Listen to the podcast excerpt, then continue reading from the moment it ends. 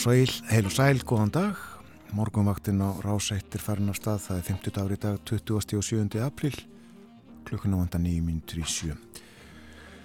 Allt kvitt í Reykjavík, snjóaði talsvert í gerðkvöldu og nótt og uh, ætli sé ekki bara svona 7, 8, 9, 10 centimetrar jafnfallnir sumstaðar allavega hana. Krapi á göttunum og uh, við þessu er ekkert að gera annað en að anda í kviðin, sækja úlpuna og kuldaskóna, uh, skópluna og sköfurnar því sem að allir að aka til vinnu eða skóla eða hvaða nú er. Það kom nú svo litið aftan á okkur, verða að segja það þó að það hafi nú verið uh, nefnt í veðurspámi gæra að það gæti snjóðað. Já, þetta var kannski aðeins meiri snjóri en ég átti vona þegar ég leiti út á glukkan í morgun en ég meina, hann hverfur fljótt og þið sem að einmitt ætlaði að keira í vinnuna farið bara frekast nefna að stað. En uh, þessi snjór verðist algjörlega bundin við suðvestur hornið, uh, þetta er á höfuborgarsvæðinu og uh, Reykjanesgaganum og heiðunum kringum borgina, Mósfellsheiði til dæmis og Helliseiði og í Þrengslum og svona eitthvað með suðvestur ströndlandsins en mér sýnist verið orðið aukt strax við markarfljót. Við uh, förum yfir veðulýsinguna frá því fyrir 50 mínútum og uh, já, lítilsátt að snjókoma í Reykjavík klukkan 6 og einstigs frost. Austan 5 metrar tveggjastega frost á Kvanneri einstigs frost í Stikkisólmi 1 og 2 gráður í mínus vestur á fjörðum í Bólungavík og á Patrísfyrði einstigs frost á Hólmavík 6 stega frost á Blönduósi tveggjastega frost við söðunisvita mínus fjóra gráður á Akureyri sunnan tveir þar, hægur vindur. Lokninsveður á Húsavík klukkan 6 og fjóra stega frost. Fjóra stega frost einnig á Rauvarhöfn sem og á Skeltingstöðum en 6 stega frost á Ílstöðum skíjað hægur vindur andar aðeins af sunnan. Við hefum ekki upplýsingar um veðrið á höfni Hortnafyrði en tvekja stega frost bæði á Kvískerjum og á Kirkjubæðaklaustri, einnig í Árnesi og þryggja stega hitti á Stórhöða í Vestmanau frostið að tíu stegum á hálendinu tíu stega frost á sandbúðum. Má búast við meiri snjó? Já, það gæti alveg snjó meira, já það, það, sagt, það er von á sagt, snjókom og slittu eða slittu með köplum sunnan og söðastanlands áfram svona, í dag. En það dregur úr þessar úrkomu sent í nótt og að létti til á morgun. En lítist áttar jél á norðaustanverðurlandinu og létt skíjað norðvestan til. Og, hittinn verður í dag 0-5 stig en það verður víða nætufrost og svo bara hvessir á Östurlandi í fyrramáli En það er þess að það er smálægð sem að veldur þessari hressilegu snjókomu hér í nótt. Hún heldur sér skamt söðvestur af Reykjanes í dag og í nótt en svo hverfur hún sent á morgun. Þannig að það fer að þá drefur úr þessari úrkomu. Já, Já krapi víða á höfuborgarsvæðinu segir vegagerðin og Um suðu vesturland, hálkublettir, snjóþekja eða krapi, það er þungfært á Mósfellseiði. Við höfum ekki neina sérstakar upplýsingar um ástandvega á vesturlandi, nýja heldur á vestfjörðum, það segir okkur að það er bara allt í sóma þar. En hálka eða hálkublettir á norðausturlandi og uh, það er hálka á Vaskarði Eistra á austurlandi og um, Suðurland og Suðausturland segir snjóþekja hálka eða hálkubletti víða. Svona er ástandið á landinu þennan morgunin. Já, við uh, mælum með uh, þykkbotna skóm, kuldaskóm og uh, hvetjum fólk til þess að hafa þetta í huga. Lít út um gluggan á þannig að þeirra alltaf og úlpan, já, vellingar búa börnin vel, það má búast í snjókasti á skólalóðunum. Já, það er frekar blöytur snjór. við uh, förum í svolítið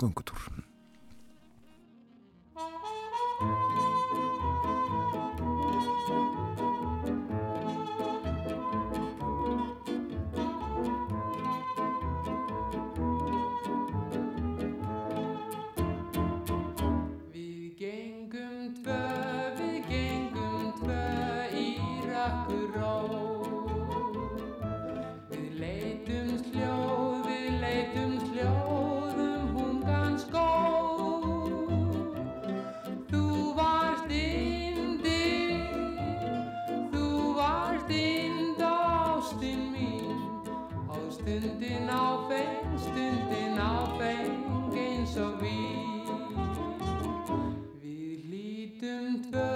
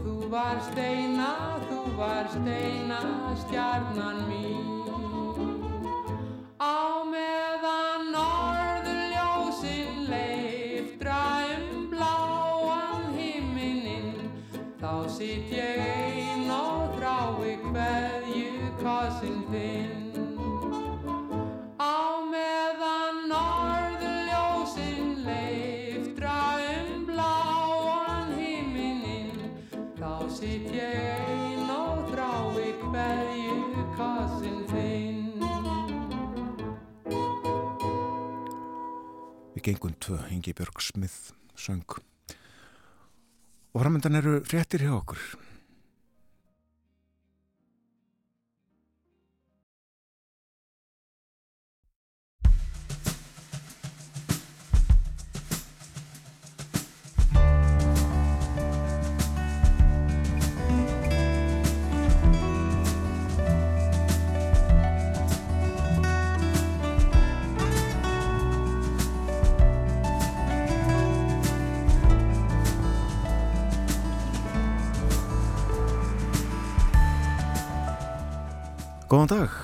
morgunvaktin helsar. Það er 50 dagur í dag, 27. apríl. Klukka núna fjórar mínútur gengin í átta. Um sjónamenn þáttarins eru Björn Þó Sigbjörnsson og Guðrún Haldanadóttir. Upplýsingar um njósnir rúsa í Norðusjó og áallunum skemdaverk á ljósleiðurum á ramasköplum hafa vekið mikla aðtegli. Við fjöllum með þessi mál í heimsklukkanum með boga ágúsinni og ræðum við Rasmus Geðsjö Bertelsen, profesor sem þekki vel til málefna Norðurlandana og norðuslóðamála. Það er gömulsaga á ný að fólk sem kennir sér meins geti þurft að leita lengi og víða að viðegandi lækningu eða úrræði. Í þættinum í dag heyrum við í Brynhildi Péturstóttur sem segja má að hafi flækst í kerfinu í slíkri leit. Hún verður hjá okkur klukkan hálf nýju og segir frá. Jarðskaltatnir í Tyrkland og Sýrlandi kostuði fjölmörg mannslíf og aðstæður til björgunar voru erfiðar. Íslandikar tóku þátt í björgunastarfinu og þeirra á meðal er Svafa Ólastóttir björgunasvettakona.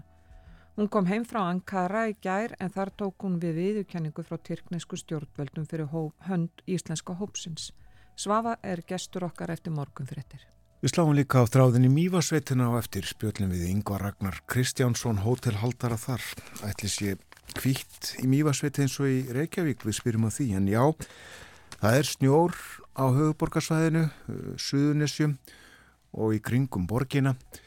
Og uh, var bara þungfært á Mósfellsreiði fyrir morgun og er kannski enn uh, alkvítt og snjór og krapi á helliseiði og í þrengslum, svona eru aðstæðunar hér akkurat núna. Og uh, ég reyndi aðeins að, að uh, spá í snjódýftina hér fyrir fréttinnar talaði um einhverja 10 cm en uh, síðan á MBL 14 cm mæltust jafnfallnir í Evribíðum Kópavós Þetta er dágóðust snjór.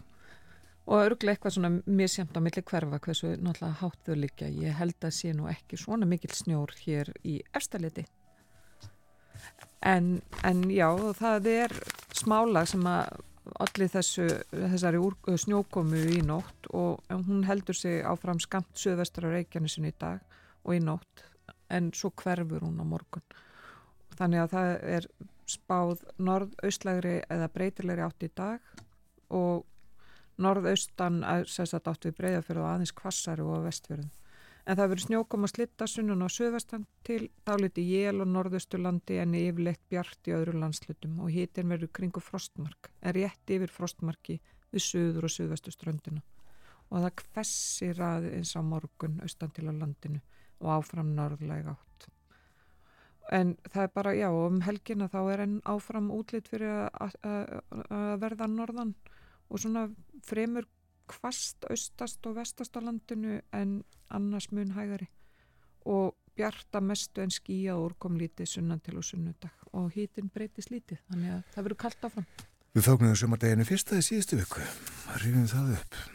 En uh, það er krabbi víða á höfuborgarsæðinu og uh, á Mósfellsheiði er þungfært uh, eh, sangant nýjustu fréttum frá veðagerðinni en uh, annars hálkublettir snjóþekja eða krapi víða á Suðvesturlandi. Og uh, hálkublettir eru í Ólarsferðamúla og á Ólarsferði og það eru hálkublettir víða á Norðausturlandi. Hálka á Askarði Ístra og snjóþekja hálka eða hálkublettir víða á Suðurlandi og Suðausturlandi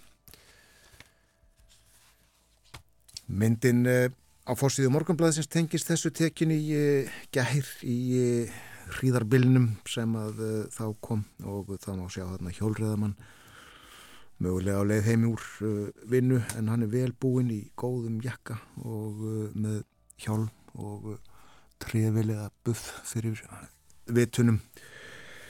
Við öllu búinn þessi en í fórsíðu fréttinni stóru er fjallaðum þessa bókun 35 sem að uh, þingið, alþingi uh, fjallar um þessa dagana. Og uh, þetta snýst um innleðingar á EES málum í íslenska lögjöf og hefur verið rætt svo litið hér og annar staðar. Og hér segir að kursi meðal þingmana í utaríkismálanemn þingsins. Þeir telja að reyndaði verið að keira frumvarp ráþara vegna þessarar bókunar í gegn raðar en við hæfi sé. Og uh, meðal þessara manna sem að, að kurr er í er Bjarni Jónsson, hann er formaður nefndarinnar. Hann segir í samtali við morgunblæðið að sérstök ástæða sér til þess að gefa sér nægan tíma til að fjalla með um þetta mál. Þetta mál er af stærðargráðu sem þarf vandaða umfjöllun mál sem vekur spurningar um stjórnarskrarmál stjórnarskrar málefni. Þess vegna skiptir miklu máli að leita umsagna víða og kalla fyrir nefndina alla þá gesti sem þurfa þykir en það ekkert sem bendi til þess að eftir 30 ár liggi núna lífið við. Já, eh, það hefur eiginlega verið 30 ára byggð á að eh, þetta veri tekið upp hér í íslensk lög. Og svo segir eh, að Bjarni hann er statur í Strasburg þessa vikuna. Njálf Trösti Fridbesson sem að einnir í nefndinni, hann er saður hafa lagt áherslu á að koma sem mestu í verk á meðan Bjarni Formaður er í Strasburg. Áhugavert. Uh, bændablaði kemur út í dag og höfugt við fórsíðu morgublasins, fórsíðu myndina að uh, þá er þar uh, sumarleg eða voruleg mynd af nýbornu lampi og segir, já, fyrstu erðnar byrjaðar að bera um þessa myndir og á myndinni má sjá golsóttu, golsóttu gimbrina drottningu á móðu sinni, príla á móðu sinni, hún er uh, fyrsta lamp þessa vors á litla holdi í Sörbæi döl og uh, ég nú ekki vel að mér í söðurlitunum, í tegundunum og, og litaminstrinu golsótt, þetta er uh, eitt af sex minstrum las ég litategundirnar eru fjórar, hvít guld eða rauðguld, svart og mórött og svo eru sex litminnstur og þau eru hvít, grátt, golsótt, botnótt, grábotnótt og svart álminnstus. Ég er að lesa þetta á vísindavefnum. En uh, golsótt, hvað er það? Jú, uh, þá breytast yfirhár á efri hlutabóls úr svörtu í hvít en litur á hárum á hvið breytist ekkert. Ég ætla að hugsa í dag um gólsóttar lampi, ekki um hjólreiðamannin í snjónum. þetta, er, svona jákvæðari mynd í dag. Fallet lamp, mm. eins og svo sem öll lamp. En uh, það eru þrjár fréttir á fórsíðu bændablasins og uh, segir hér meðal annars uh, söðfjörbændur ótast ekki samkeppni þótt innflutt lampakjött fáist nú í vestlunum. Mikilvægt sé þó að afræðstöðvar nýti sér kosti og gæði íslenska kjötsins í markaðs- og sölustarfi. En uh, það var sem sagt netto sem að bauði nýlega upp á frostnar spænskar lambakórunur í verslunum sínum. Og farið yfir, ítalega yfir þessi mál á forsýðublasins og inn í líka. Það er líka talað um uh, riðuvarnir og þær eru úreltar að sömra mati og segir hér á rúmlega 40 árum hafa rúmlega 850 hjarðir verið skorna niður á Íslandi, meira en 200.000 fjár. Þetta er svona með, með alls þess helsta sem við draugum fram af forsýðum íslensku bladana, en uh, fara aðeins út í heim áður en við svo heyrum kannski stutt lag og sláum svo á þráðinni mjög Já, Í, það, dagins nýheður með mikla umfjöllun um byð í helbreyðiskerfinu svona kannski um, ágætt að minnast á það að þetta er ekki bara vandamál á Íslandi. En við munum alltaf að heyra hvað Brynhild Rólustóttir hefur að segja við okkur hér og eftir um þessi mál og Júlandsposten er að fjalla um, um áhrif þessara kóranbrennu sem hefur verið mjög í frettum Í Skandinavíu undarfæri misseri. Það hefur verið að brenna þessi ákvörðun stjórnmálamanns að vera að kveikja í kórarninum stjórnmálamanns og áhrifin sem þetta getur haft á að, að öfgafullir íslamistar uh, komi eða verið meir ábyrrandi í Skandinavíu og politíkan er með barnahús, umfélagum barnahús á fórsíðinu þar sem er fjallað um hvernig börn sem er að lýsa ábyrdi að hálfu fóreldra sagt, nota bánsa til þess að sína fram á hvernig þau hafa orði fyrir ofbeldi. Og í breskublöðunum er voðalega mikið verið að fjalla um eh, innsetninga þegar innsetningar að töfn Karls Bretakonungs og meðal annars tala um að það er verið í vaksmyndasafninu hjá Trúsó, hvað er það, Trúsó? Nei, Trúsó Já, að það vera svona aðeins að laga til kamilu eh, eiginkonu, drotninga eiginkonu. Lagana? Lagana? Í lagana til, svona snirtana til fyrir aðtöfnuna því að það búist við því að það muni margir sækja safni heim að þessu tilefni. Þannig að já, við hefum ekki bara að segja þetta gott í dag úr ellendu fjölmjölunum í byli allavega.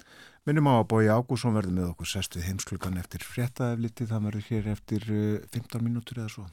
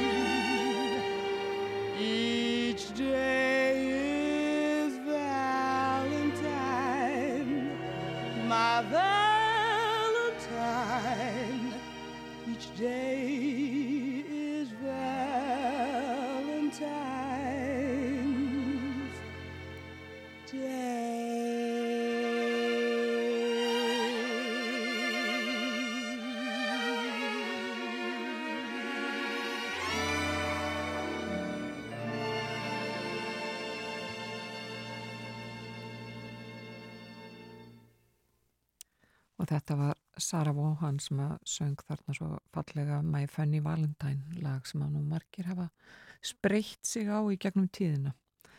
En við sagðum hérna áðan frá því að það veri snjór hér en við vissum ekki hvernig þetta væri fyrir norðan og í, í Mývasveitinni en við ákvæðum að ringja í Yngvar Ragnar Kristjánsson eh, á Sel Hotel. Góðan daginn. Góðan daginn. Hvernig viðrar hjá ykkur fyrir, í Mývasveitinni, Yngvi? Það við erum nú bara nokkuð vel. Það var opbáslega fallið að labba inn í vinninni morgun. Það var logn og svona smá grámi á jörðinni en, en uh, svo kom sólinn og skeina á þetta líka. Það hljómar mjög vel. Og þú hefur verið mættur snemma í, í vinnu í morgun. Já, já, það er alltaf sinna morgunverkum hér eins og í öðrum búskap. Akkurat. Hvernig er þarna, svona, staðan í, í ferðarþjónustunni hjá ykkur í Mývasveit þess, þessa dagana? Er fólk farið að koma? Já, það er svona, veturinn er svona búin að vera alveg þokkalega. Það var býstna að gera hérna februar og mars. Svo eins og ofta áður þá er april aðeins niður. Tengur þetta ágætt hana rétt fyrir páskana. Mm. En e, núna erum enn að búa undir, undir að ferðarmenn fara að koma aftur að voru. Og hvernig er bó, bókunarstaðan fyrir sumarið? Hún er e, mjög góð. Það er hérna, meir og minna fullbóka í gistingu hérna á þessu svæði hjá okkur. Já, nú þegar. Og, já, já. Þetta, þetta svæði okkar er þannig að hérna, fólk bókar mjög eh, mikið fyrirfram á, inn, á, inn á svona, eh, svona stór mjög Já, til að tryggja að það fái gistingu. Já, já. Ven, í vennilega ári þá erum við að vinna með þrjú ári í einu. Já, þú meinar. Þannig að fólk er bara búið að bóka hjá okkur árið 2025 líka. Það eru komna bókar í 2005, já. En, en hvað eru þið, þarna, þið þetta er uh, Sel Hotel, þetta, er, þetta byggir á gömlum grunni þegar þið hafi verið fjölskyldan með þennar rekstur að það ekki lengi. Jú, þetta er, í ár erum við að fara í 50. árið okkar. Móðið mér startaði hérna og fæðir startuði hérna 73 og, og, og voru náttúrulega talið mjög, mjög bjart sín að fara, fara að sinna ferðamennum. En síðan, síðan þá, þá erum við búin að vera að bæta við nánast á, já, svona sé annað hvert ári búin að bæta einhverju við. Og, og þið eru með, hvað, 50, yfir 50 herbergjur það ekki, eða hvernig er það? Jó, hóteli er með 54 herbyggi og við erum með 120 rúm sem getur, fólk getur sofið í. Þetta er svona fjölbreytt, það er, það er bæði talsast að fjölskyldherbyggi hjá okkur. Þannig að þetta er, þetta er ágæðs eining. Og, og er það ekki rétt hjá mér, ég var að lesa mig til, þið eru með brugghús líka? Já, við, það var svona gegnum tíðina þá hef ég verið svolítið nýjangu gerð og vilja brytta upp á ymsu og þegar við lendum í COVID-stoppinu þá, þá hérna var rifjaður upp gammal draumur um að fara að brugga bjór og ég samfæli konuna mínu það að það væri, það væri lægi að fara í eitt, eitt æfintir viðbútt. og hvernig gengur? Það gengur ljómandi vel. við bruggum bjór, þetta er nú minnsta brugghús landsins, við, við bruggum bjór sem að hérna er engum til sölu hérna á hóteli okkur og eh, erum að brugga þær tegundir, annur er, er rúbröðstjór. Nú? Við notum rúbröð í, í kottni þegar við erum að sjóðu upp bjórin Já. og þannig skemmt, skemmtilegan keim og, og já, sérstakann bjór. Já. En að þú myndist á að þetta uh, byrja á þessu æfintri í COVID. Hvað, hérna, áhrif COVID hjá ykkur núna, eru er þau ekki bara horfin? Nei, ja, áhrifingar var kannski venjulega ferðamanni. Þau virðast eru horfin og Ísland hefur náðalega ótrúlega árangri að fá ferðamann til að koma yngi aftur. Og svona snögt er alveg með ólíkinn að skilja að gengi eftir en uh, það er nú talsverð eftirkost af COVID í ferða þjónustinni. Já, er það? Já, þegar maður tala við kollega sína þá, þá eru við allir saman því að hérna, þetta þryggjára tíðanbill sem er búið að vera, það, það hefur tekið mjög mikið á fyrirtækin og sérstaklega þá sem að eiga fyrirtækin. Hvernig þá, yngvi? Þegar, þegar að ferða, ferða maðurinn hvarf og, og, og þurft að fara svona en að treyja þorran þá, þá er það að standa náttúrulega verulega vaktinu sjálfur og mér heyrist að býstna valgir að gengi svolítið nálagt sér í því. Já, fólk er bara úrvinda.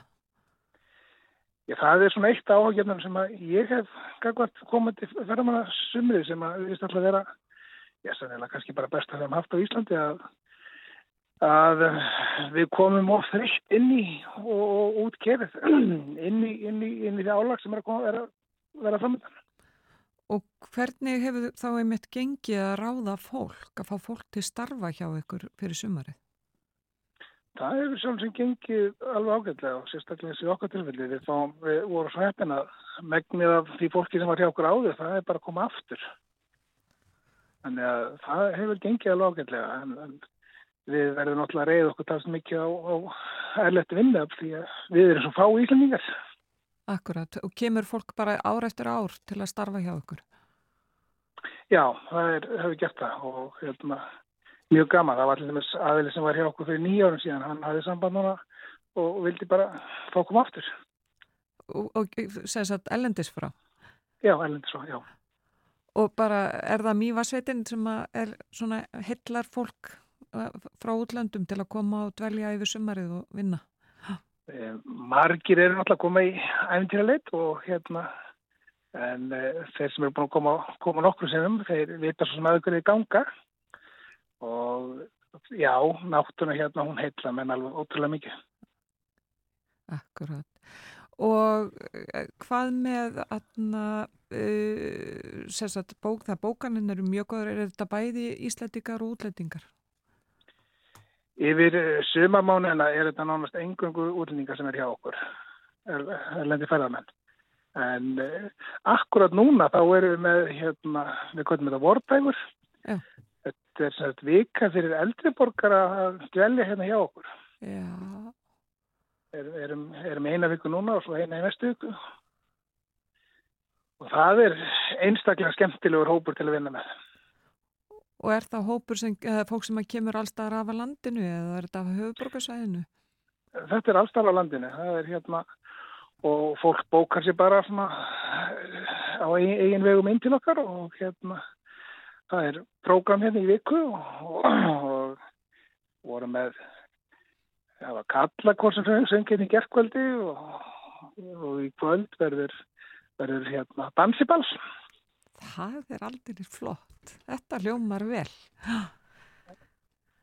Heyrðu, já, Yngvi Ragnar Kristjánsson, rekstra sem áreikur selhótel í Mývasveit, takk kærlega fyrir spjallu og gangi ykkur vel í sumar.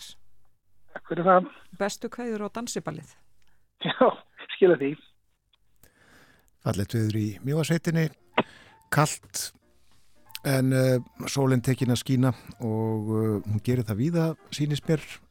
Ég er að skoða hér myndir úr vef myndavilakerfi vegagerðarinnar og uh, hlustandi góðunur þáttarins í dölunum sendi líka veðurskeiti dýrlega fallegur morgun í dölunum ekkert grátt í fjöllum en uh, kallt og uh, myndirnar bera þetta með sér að þetta er engulvægið. Frettæðifleitið framöndan við heyrum sérst auglýsingar og eftir frettæðifleitið verður bói Ágússon með okkur að sest við heimsklukkan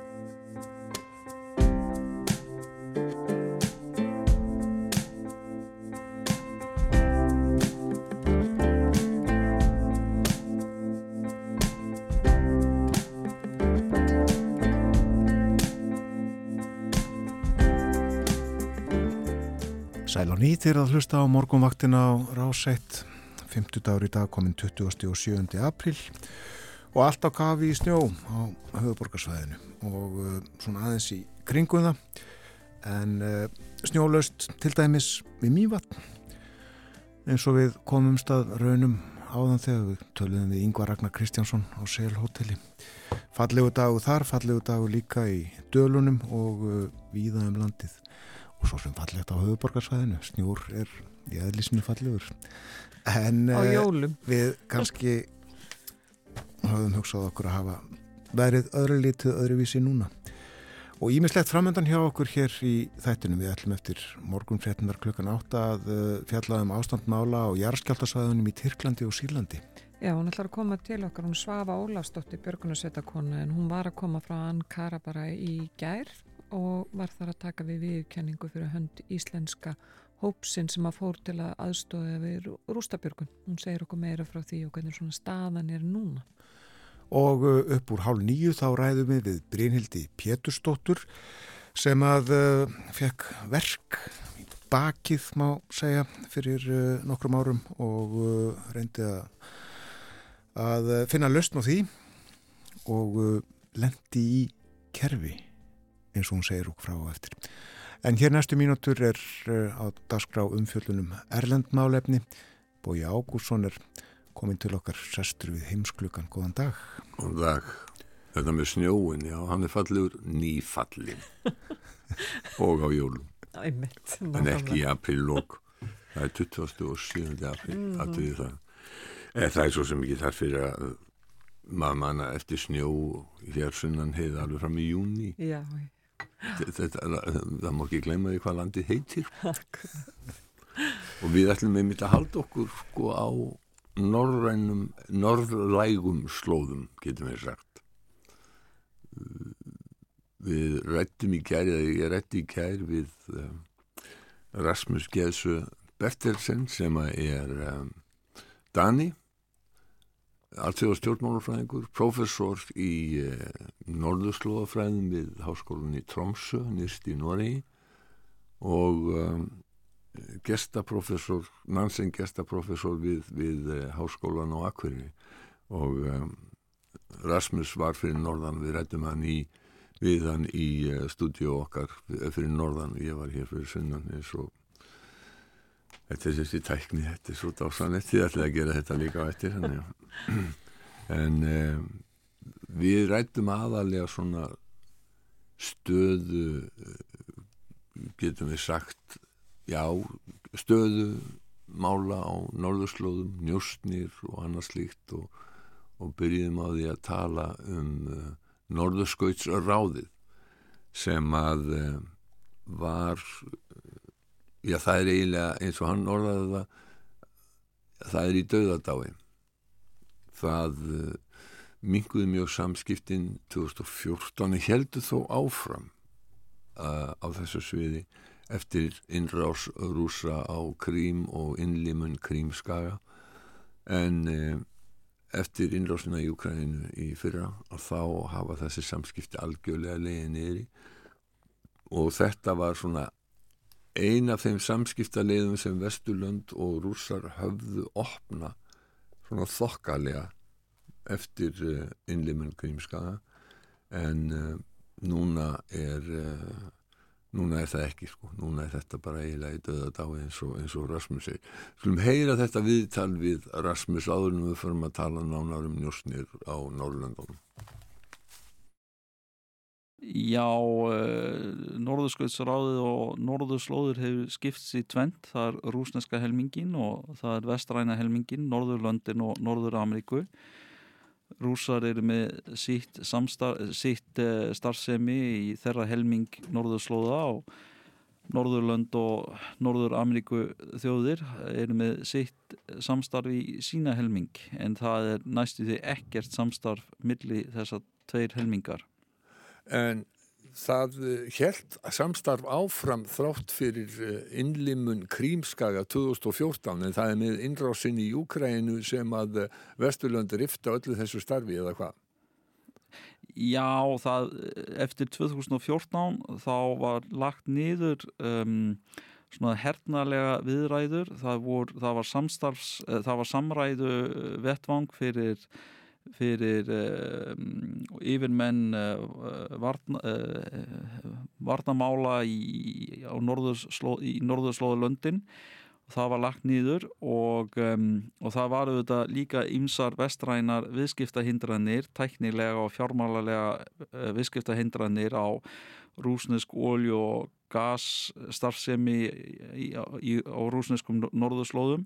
En annars þá helt allt eh, vísinda samstarfið áfram og breytt eftir 2014 og til dæmis ég er venjulega í Tromsø í norður Noreg að það var mjög mikið samstarf uh, yfir landamærina þar og mikið samstarf millir þjóðfélög og, og það helt áfram En eh, já eins og þú segir sko, Háskólinni Trómsó þar sem að þú ert professor hefur verið í miklu samskiptum við uh, rúsneska akademikera en það er allt búið núna eða hvað?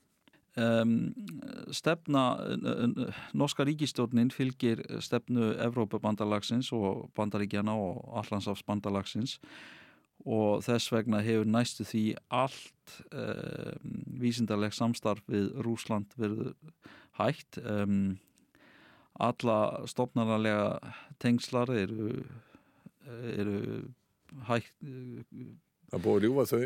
Já, og búið að rjúfa þeim eh, það er leift að halda persónlega tengsl en það þýðir mjög mjög lítið þegar má ekki vinna stopnanar á milli það var þrjú svæði sem normenn uh, leifði, þar sem normenn leifðu vísindarleg samstarf að halda áfram. Það er fiskveiðistjórnun á Barentshafinu, það er kjarnokku öryggismál um, og það síðasta var náttúruöðlenda samstarfi sem ég býst við snýst um ólju og gas í Barentshafinu. Af þessu þrjú viðfangsefni þá er það bara fiskveiðistjórnunin sem heldur áfram eh, annars þá er búið að, að skera á allt eh, vísindalegt eh, fræðimanna samstarf millir Noregs og Rúsland. En hvernig er eh, á Svalbarða? Þar eru rússar með bækistöðar og, og nokkuð fjölmengt lið sem er þar. Er samstarf með normönnum og rússum þar? Svalbard er sérstakt fyrirbæri. Svalbard varð norsk uh, yfiráðasvæði með Sval, Svalbardasamningin frá 1920 og Svalbarðarsamningin í 1920 gaf eh, Noreg yfirráð og fullveldi yfir Svalbarð en aðrið, aðrið þjóðir sem eru aðillar að þessa samning hafa mikil réttindi á, á Svalbarði. Mm -hmm. og Rúsland og áður fyrir Sovjetríkin hefur auðvitað verið mjög virk þar.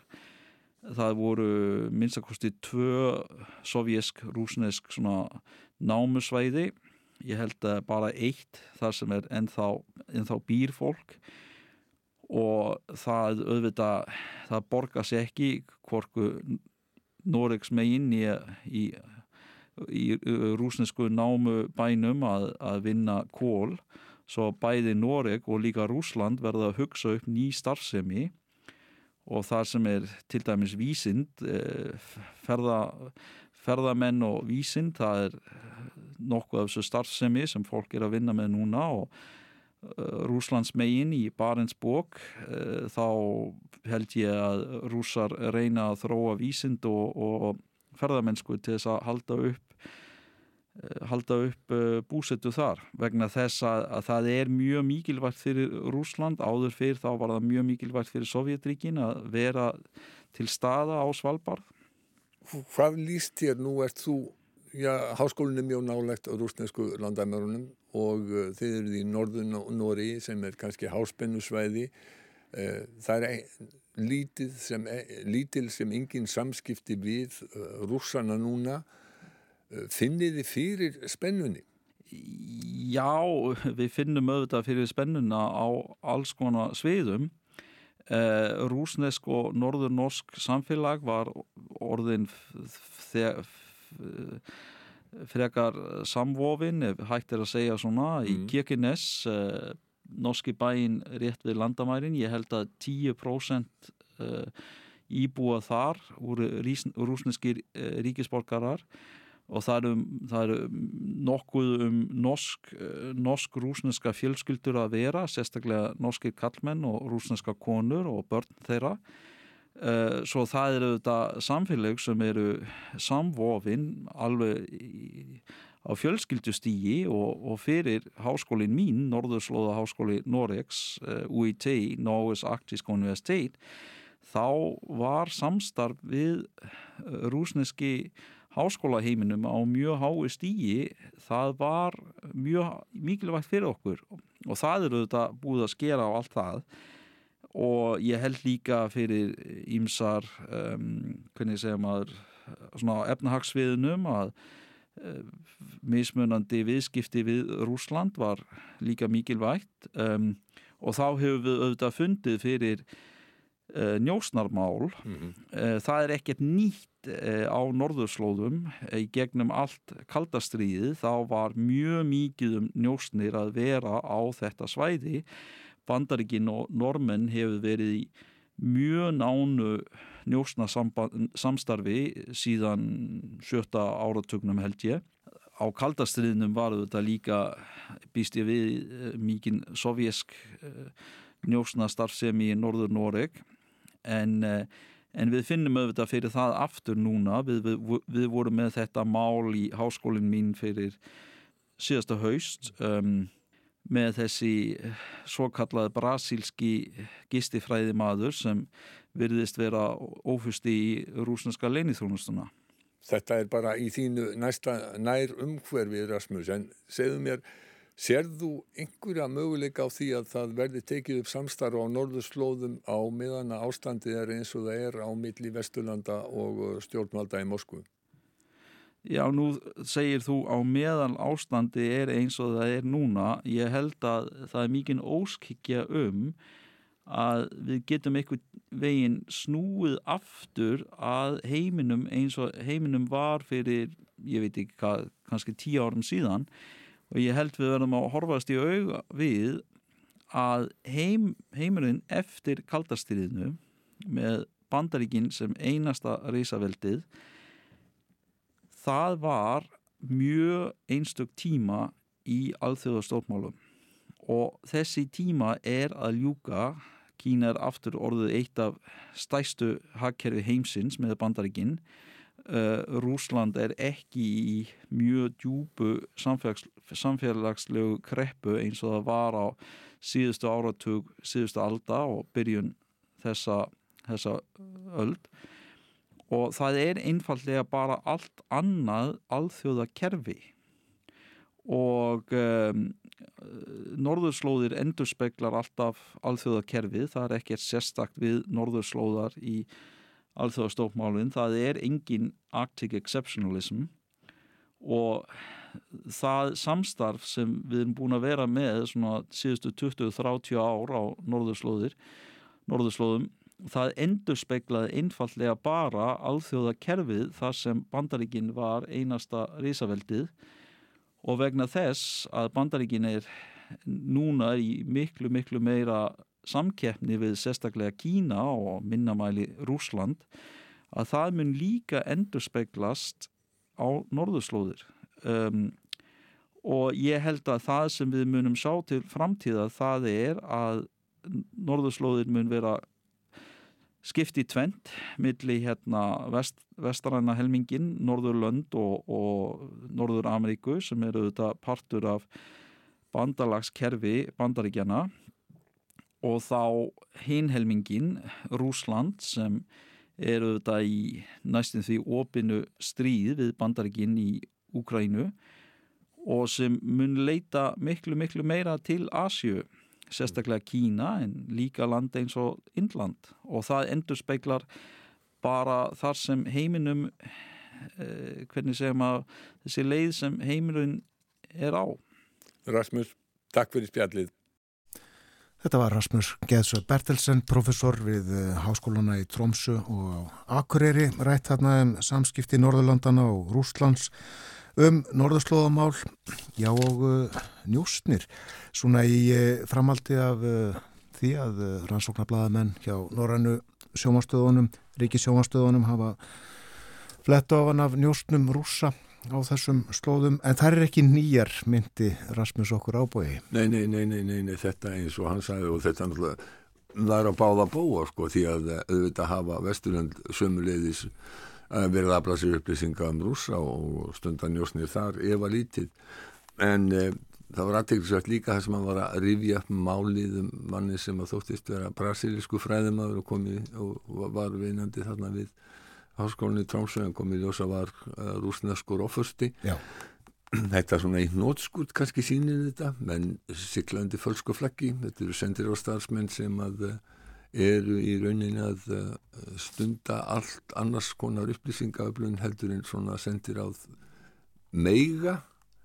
Þeir eru agendar, þeir eru aktíft að reyna að fá að svona ráða fólk í vinnu, afla upplýsinga frá þeim og, og uh, þetta hefur leitt til þess að uh, normen hafa vísað 15 sendir á, rúsneskum sendir á starfsmönnum úr landi, svíjar 5, Danir vísuð 15 í fyrra. Uh, og, og rúsarnir hafa náttúrulega svara fyrir sig. Þeir uh, ráku tíu norska sendir og stafsmenn úr, úr landi, hvernig var það bara í gæð held ég? Já, Já þú hefur fylgst með þessum þáttum skuggastríðinu Já. sem að uh, síndir eru í Danmörku, Svíþjóðu, Noregi og Finnlandi og þetta er samstarríkisstöðvana í þessum löndum. Mm, og þeir verða síndir hér. Ég, ég, ég bara glimta að hérna, kynna mér hvenar það er nákvæmlega. Við reynum að komast að því. En þetta eru góðir þettir trú ég?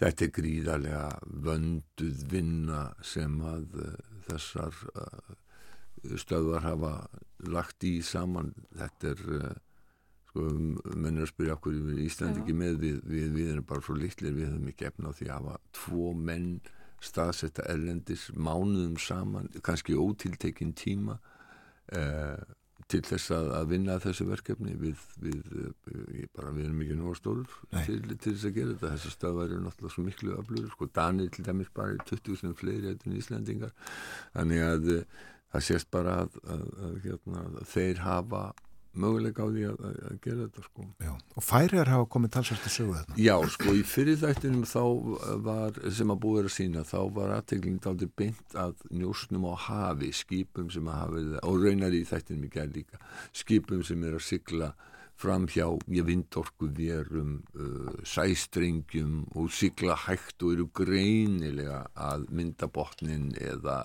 afla sér upplýsinga. Það er siglundi fölskuflaggi. Þau bókstaflega, já nei, ég vísi ekki bókstaflega, þau eru með rúsnarska fána, sko, já.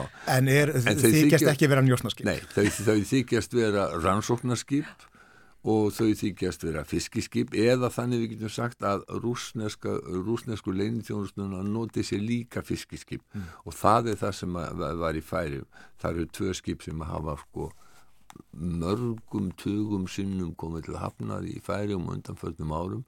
Annað þeirra var eh, í norður Nóri þar sem að tóttverði fórum borð og eh, uppgötuð einhvern leiniklefa með eh, fjarskipta búnaði sem að venjulega er eins og þið sögðu í norska sjónarpunni er, er venjulega, er, er loftskeitatæki sko höfð eftir skipinu. Þetta var einhvern leini klefa sko niðri í skipinu og þar mynduðu þeir fjarskiptatæki af hernaðarlegri gerð. Þannig að var, þar er þessi tengsl alveg augljós og, og þetta skip eins og færingarnir sögðu í fyrirsögn á, á, á kringvarpinu það lág bara beint fyrir utan skrifstofu lögmanns eða færiska fórsættisváþarnar.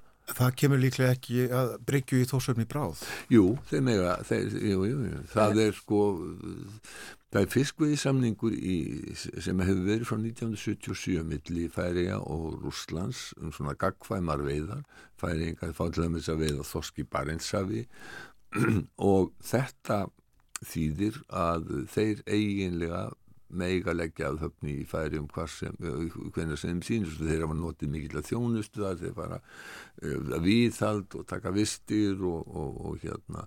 Og þetta hefur ekki breyst en það er mikill þrýstingur og færinga núna að segja hinga og ekki lengra. Hættu þessum hættið þessum fiskveið samningi Og hvernig taka yfirvöldi færi þeir eru svona þessum þrýstingi? Sko, þrýstingur var í fyrra strax eftir Eh, innrásina í Ukrænu og, og færinga segja við fylgjum öllum refsiaðgerðum að, og þeir benda á að það er undantekningi þessum refsiaðgerðum með varðandi matvæli. Og þetta eru skip sem eru að fiska og afla matvæla. Og raunar verður að geta þess líka það eru þrjár uh, hafnir í norðu Nóri sem eru opnar fyrir norskum uh, tókurum þannig að færingar segja að, að, að þeir hafi fyllt öllum, öllum refsaðgerðum og það sé ekki tægt að skamast út í þá. Um, en fyrir, það var samt sem áður upp með mikið sem við góðum, margir sem sögðu sko móralst, síðferðilega getum við ekki þá, hérna, staðið í þessari starfsemi. En rétt fyrir kostningarna sem voru hvað í desemberi fyrra þá hrukku allir stjórnmáluflokkar í það að eh, framlengja þennan samningum eitt ár Hann, hann, hann er framlengtur álega núna er sittu nefnd í færium sem að er að skoða þessi mál og uh, Lómaður hefur sagt að eigi að taka ákvörðunum þetta mjög fljótlega. Sko færiingar hafa hagnast verulega á því að uh, rússar bönnuð ekki fiskútflutning frá þeim eftir 2014 alveg eins og Íslendikar hafa ekki flutt út sko hérna bein eða róð til Rússlands frá þeim tíma nema kannski hugsanlega smeglar, ég veit ekkert um það. Um, vegna refsi aðgerða sem að Evrópusambandið og við tókum þátt í uh, gegn rúsum eftir innlimun krímskaða en þessar þetta bann rúsa á, á fiskunflýtningi það náði ekki til færiða og færiðingar hafa já þeir hafa sagt ámæli fyrir að hafa verið að hagnast á þessum viðskiptum við Rúsland og núna þegar þeir hafa áhuga á því að taka upp nánara samband við Evrópusambandi þá segja menn í, já, í Kvöpmanum til dæmis, Lasslökk auðvitaðvíkisráþra og, og fleiri sérstaklega stjórnarnastan í halsmenn og dansk fólkiparti eru mjög harður út í færing og þessu að e, þeir geti ekki bæði haldið og sleft þeir verði þá að ef þeir ætla að eiga nánara sambandi Evrópusambandið þá verði þeir að hætta þessum uh, rúsa samningum sko færinga segja móti sko 2014 þá voru þeir neittir til þess að, að, halda áfram rúsa viðskiptunum vegna þess að þá var útflutningsbann á færiskum fiski til Európa-sambansins út af deilum um, um kvóta með minnir að hafa verið makilkvóti flettiðin okkur upp sko. en sem sé þannig að færingar e, þeirra afstæða er á sumuleiti skiljanleg en þeir eru undir miklum þýstingi mm. Síðan náttúrulega verðum við að gera okkur grein fyrir því að þessar njósnir rúsa þær eru hér á landi líka.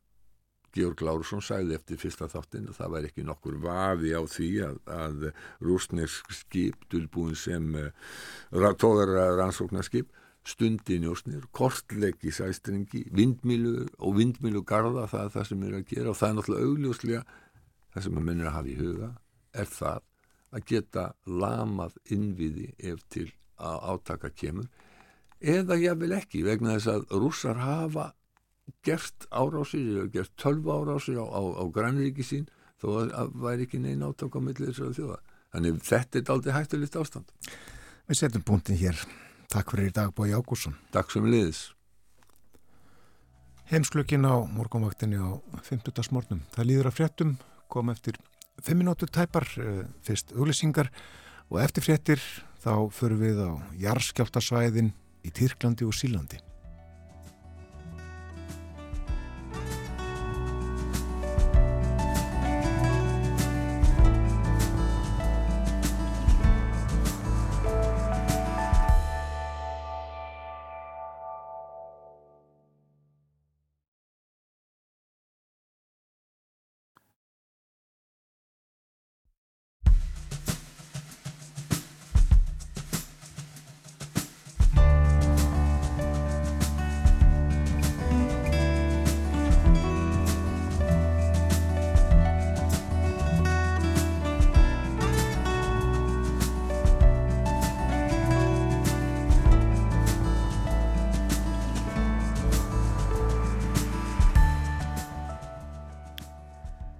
Morguvaktin á rás 1 klukkuna er 6 minúti gengin í nýju og við sittum hér Björn Þór Sigbjörnsson og Guðrún Haldanandóttir við höfum gert það síðan rétt fyrir sjö í morgun. Svona þeir sem eru að vakna núna. Og það er snjór eins og er búið að koma fram í frettum og hjá okkur fyrir morgun. En við ætlum að færa okkur yfir til Tyrklands og Sýrlands núna En harðir jarðskjáltar riðu yfir Tyrkland og Síland snemma í februar og kostuðu rúmlega 50.000 manns lífið og fleiri miljónir heimilið. Og nú tæpið þremum mánuðum síðar er ástandi á skjáltasvæðanum en alvarlegt. En Ísleitika bröðuð skjótt við þegar Óska var eftir aðstóð og 11 manna hópur frá Slísavarnafélaginu Landsbyrg og Landtelgiskesslinu fór til Tyrklands að aðstóða vettvangi og Svafa Ólastóttir er einn þeirra og hún fór svo aftur til Tyrklands í vikunni til að taka við viðkenningu fyrir hönd hópsins fyrir velunni starf í höf og tók við viðkenningunni í höfuborg Tyrklands Ankara en hún er komin hinga til okkar á morguvaktina. Velkomin. Takk fyrir. Þetta, eh, þú komst bara aftur til landsins í gær. Já og þetta var þá sagt, eh, ný eða önnur ferðín til Tyrklands út af í, í tengslu við þessar hamfarir að því að þú fóst þarna núna að taka við þessari viðkenningu en þetta er ekki fyrsta skipti sem að þú ferð á svona hamfarasvæði kjölfari jarskjálta eh, Nei, ég fór líka með Íslensku alþjóðabjörgunsveitinni 2010 til Hæti og þá, þá var farið, sko, nú fóruð þið bara fljótlega eftir að skjáltarnir riðu yfir, en þið fóruð eitthvað setna er það ekki á stað í, til Hæti? Nei, reyndar ekki, við fórum strax til Hæti og fórum fyrsta ellendasveitir sem lendi á Hæti á sín, á, já þannig að við vorum mjög snöggþangað líka Er mikil munur á milli Hæti og Tyrklands? Já það er hérna, bæði er áhrifarsvæði miklu starra og Tyrkir eru miklu betur undirbúinir eða voru miklu betur undirbúinir og innviði Tyrkja sitt, voru í lægi þannig að þeir, þeirra viðprafa mjög stert hæti, þá, þá var það ekki til staðar. Og talar um skjáltasvæði starra Uh, þetta eru tveir, eh, einhver tveir uh, jarðskjáltar sem þarna riðu yfir í 7. februar, nokkur klukkutímar á milli, annar upp á 7,8 stegur rétt við Gaziantep og svo annar um 7,5 stig. Hvað erum við að tala um stort svæði?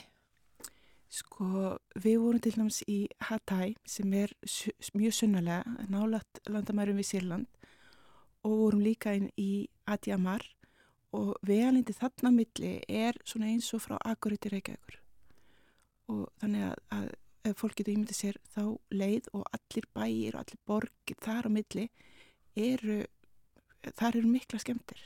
Já, allir þessu svæði. Já. Þetta er bara eins og í rauninni mætti segja nánast allt Ísland. Já, nánast. Þetta eru, er 9,1 miljón í Tyrklandi sem verða fyrir áhrifum, ykkur skon áhrifum af, af skjáltan. Akkurat. Og, og við erum einmitt að tala um að, að á þessu svæði þá eru mjög margir þarna sunnalega í Tyrklandi sem eru flóta fólk frá Sýrlandi sem hefur komið yfir landamærin og svo er þann þarna sagt, verður fólk fyrir þessu. Hvernig hefur gengið að koma fólki í skjól? Sko, ég hef ekki alveg sérfrangur því en, en ég veit að, að þeir eru að byggja upp, þeir eru byrjað að reynsa og þeir eru að reynsa. Það er bara, þetta er svo gríðarlega margar borgir, margir bæir og þetta mun taka tíma. Og það eru að ég held um þrjáru miljónir sem búa í ykkur skona kamarhúsum húsum, uh, og tjöldum. Þannig að hérna maður hugsa bara sem betur fyrir það að koma sumar. En hérna þannig að já og þeir eru að byrja að byggja hús. En það mun taka rosa tíma Já og það er einmitt, ég las það eitthvað staðar að það væri saminuði þegar áalluðu að það væri 210 miljónir tonna af rústum í rauninni sem að þýrti að koma einhvern veginn á, í burtu. Já, einmitt. Og það er rauninni verið magna að sjá myndir þar sem maður sér bara gödunar og það búið að reynsa all húsin burtu eins og þau voru bara farin sko. Og urðuði, sko, nú, í hverju fólst ykkar starf svafa, ykkar þessar 11 manna hóps? Já, við vorum að vinna við samhæfingu og erlenda björgunarsveita. Náttúrulega, hérna, almannavarti í Tyrklandi þeir hafa náttúrulega risa verkefni, eh, bara það að sinna sínum eh, hluta og svo fá þeir, sko, yfir 90 björgunarsveitir til hansins erlendar og þetta var mörg þúsund manns og okkar verkefni var að halda utanum það, það starf. Deilefnir og borgir og sjá til þess að fara í verkefni og hvar við væru og slikt Og hvernig gekk það? Það gekk ágætlega. Það er raun og öru magnað að sjá þegar heimurinn raun og öru bregst við að hérna og allir vinna í takt alveg sama hvort þeir séu frá löndum sem eiga í ykkurum deilum að hérna þannig að og alveg saman hvort að tungumáli eða trúabröðu eða hvað annað. Þannig að þetta gekk alveg ágætlega. Og einmitt, þið voru fyrst aðna í Atæi mm. þetta er 1,6 miljón eitthvað svoleið sem að býr þar? Já. og bor borgin er í rúst? Já, ég held að sé eitthvað í kringu 90% af byggingum sem er farið. Og það er þá bæði og maður haugsar oft sko fólk missir heimilisitt en það missir líka vinnuna og skólanir og þannig að það er bara, það er allt farið. Og, og má búast við að taki mörg ár að byggja upp? Mjög liklega. Akkurat. En, en eins og það að, að þegar þið farið þarna til Tyrklands, hvernig undirbýr maður sig undir svona sem rústabjörgunar manneskja? Sko, við, náttúrulega það er æfingar og það er þjálfun og hérna æfing, já, og, og námskeið. Og það er raun og raun það sem maður gerir. Og svo náttúrulega tekum maður gríðarlega mikið úr bara íslenska eh, reynslu hérna heima. Og, og ég segi alltaf sko að vera björgunsetta manneski það er að vera sérfræðingur í óvissu ferðum þannig að hérna, já En Svafa, svo hef ég séð það á fréttaskeitum að það verðist vera sem að einmitt að gamlar byggingar að mm. þær hafi í rauninni frekar staðið skjáltan af sér heldur í nýri byggingar og Tyrkneski yfirvöld hafa leiði undir ámæli fyrir að, að hafa kannski, það er kannski frjálslega þegar það kemur að byggingar uh, reglugerum með heimildum að það hefur kannski verið svona hort fram hjá því er uh, hver hvort að líkur sé á að byggingarnar standist álag sem þetta hvernig er svona er þetta mísemt eftir stöðum í, á þessu skjáltasvæði hvernig, er, hvernig byggingar hafa staðið af sér? Það er, já, það er eitthvað mísamt. Það er líka, það er ekki bara byggingarna, það er líka undirlega byggingarna sem hafa áhrif og líka, sagt, eh, já, hvar þar eru staðsettar. En hérna, það, það er alltaf farið í reglugjörnur. Það er, ég, ég er ekki sérfrængur þessu en ég veit að það voru fyrir rúmu 20 árum, þá eruðu hana miklu skjáltar og þá voru reglum breytt en, en það er ekki allir sem fara eftir reglugjörnanum og, og það er það er mísamt eftir svæðum hversu vel var að fara eftir reglugjörum, ég veit það. Það er tilskíslur yfir það. Mm. Og svo strax eftir skjáltana það var líka einmitt talað um áhrif veðurs, það var mjög það ringdi mikið á þessu svæði og, og fólk hreinlega, sæð sagt, bara satt úti í rikningunni sólarhingu saman án aðstóðar og var náttúrulega eðlilega kannski kvartað yfir því en, en eins og þú segir það, það er að koma sumar hvernig var að koma aftur til Tyrklands núna? Ég var náttúrulega bara í Ankara og það, það var samt sko að sem mér varst svolítið sérstætt þegar ég lendi í Istanbul og sá þegar maður að hlaupa í gegnum fljóðvillin og maður sér listan yfir innanlandsflýð og það þekkti maður þetta borginnar. Þannig voru, við vorum að vinna í tíu borgum og þá, þetta var bara svona eins og, eins og listi yfir borgina sem við vorum að vinni að mjög sérstætt og ég fór ekki inn á hamfarasvæði en hitti fólk frá AFAT sem eru almannavartu frá Tyrklandi. Og, og það þarf náttúrulega mikla seglu til þess að fara í gegnum þetta og hérna þau eru mjög brött en, en já, þetta er erfitt. Já, og maður er að heyra enn frettir af saminningum fjölskyldna, fólk sem að var í að betali láti að það er svo reynist á lífi og það er alls konar bara það er ekkit langt síðan að barn sem hafi verið lengi í rústónum var samin að móðu sinni. Það, að hún hafi verið talin af en svo bara að því þannig að alltaf myndast er það ekki mikil ringulreið? Jú, það, það gerir það og hérna það er líka verið talað um sko að hjálpast seint. En, en sko bjarginar þurft að koma utan skæðsvæðsins, þess að björgunar fólk lendi líka í hérna skjáltanum þannig að það tók tíma að komast á marga staðu og þetta er alltaf ringulreið þegar svona stóri atbyrði gerast. Já, þið jarðskjáltanir eru 7. februar á mánudegi. Hvinnar mm. farið þið á stað hérna frá Íslandi svá? Við förum á þriði degi og lendum mjög snemma meðgutarsmótni í Gaziantep og keirum þá fljóðlega niður til Hæti, Hata. Og hvað er, það, hvað er það lung leið?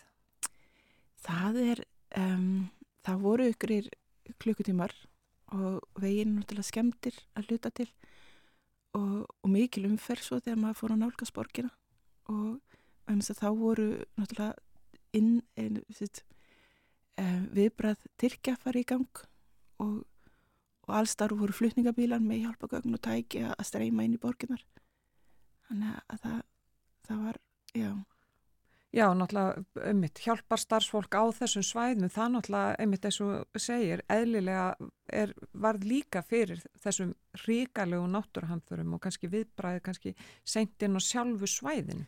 Já, náttúrulega, marga sveitir koma utan svæðisins og það er, hann náttúrulega lenda bara í fyrstu borgunum og hérna uh, og komast ekkert lengra og til dæmis dæg sem er mjög sunnalega og þar fara mjög mikið ælendisveitum þángu fóru við fyrst. Og svo þarna í Ankara þá var þetta Erdogan fórseti var þarna helt ræðu Já. og þakkaði ykkur, voru þetta fyrir ykkar óengjarna starf en voru þetta margir sem að komu ellendis frá? Já, um, sko þetta var þetta var mjög sérstaklega eins og maður fór út á hans að vita dasgrána en hérna þetta voru öruglega yfir hundar manns frælendis og svo voru líka innlendir björguna sveta menn sem, og konur sem hérna voru líka á stanum þannig og þarna voru haldnar ræður, það kom fullt eh, heimamaður frá Hattæ sem lísti því þegar hann var fastur í rúst í 8 tíma með fjölskyldinni og hann kom líka e, tilknesku björnumstöðumæður sem hérna lísti því sinni reynslu þannig að var, þetta var 5 tíma aðtöfn allavega Já, þetta, og þetta, þetta náttúrulega hefur verið hjartnæmt, er það ekki? Jú, það, það er það sko og hérna, en þetta skipti þá miklu máli í Tyrkina, þetta er svona að, þetta er svona ákveð sem kabla skipti á þeim og það að halda áfram sem, sem er, er hérna er náttúrulega mjög mikilvægt. Akkurat. Og það mun vantarlega að taka einhver ár að byggja upp þetta stóra svæði að nýju og bara koma fólki í eðli, eða, gott skjól. Já, örgulega Svafa Ólastóttir, takk kærlega fyrir komuna til okkar hinga á morguvaktina Takk fyrir mig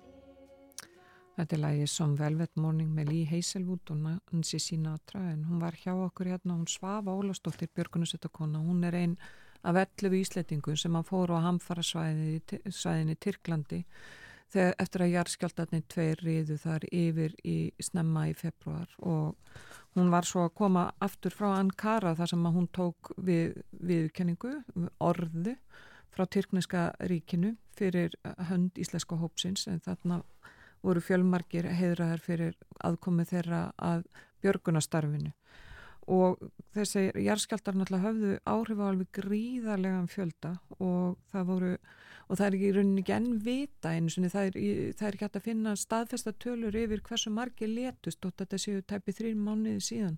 Þetta eru tölur á milli 50 til 60 þúsund, jafnvel 70 þúsund flestir þeirra í Tyrklandi en líka fjölmarkir í að þið og kringum Aleppo í Sýrlandi, hérna norðurluta Sýrlands og á þessu svæði Tyrklandi búa mjög margir sílindikar eða réttar satt flúðu yfir eftir að, stríði hófst í Sýrlandi og ég held að séu í Gazianteppu með 1,5 miljón sílendikar sem eru búsettir í þessari sögufrægu borg.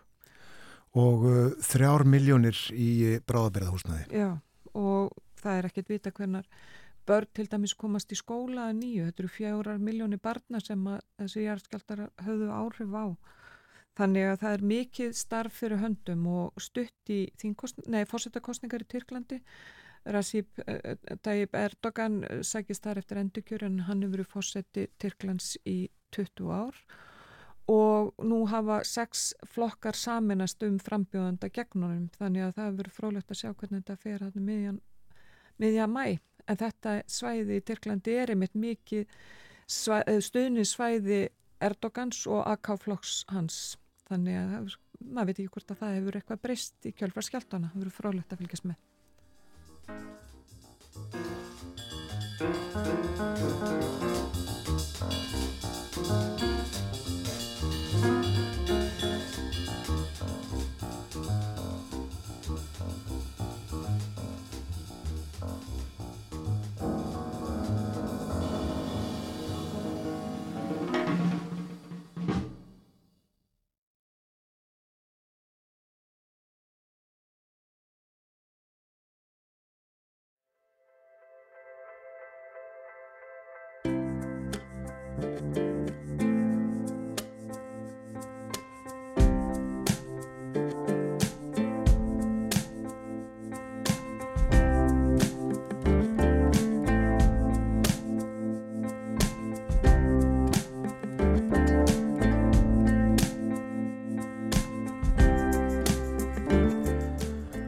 á ný þeir að hlusta á morgunvaktina á rás 1 klukkan núna réttliðilega hálf nýju það er 50 dagur í dag komin 20. og 7. april við höfum verið talsvert í útlöndum í morgun. Við fjöldluðum um norðurslóðamál í heimsklukanum Bói Ágússon gerði það. Og eh, einnig njóstnir rúsa í norðursjó.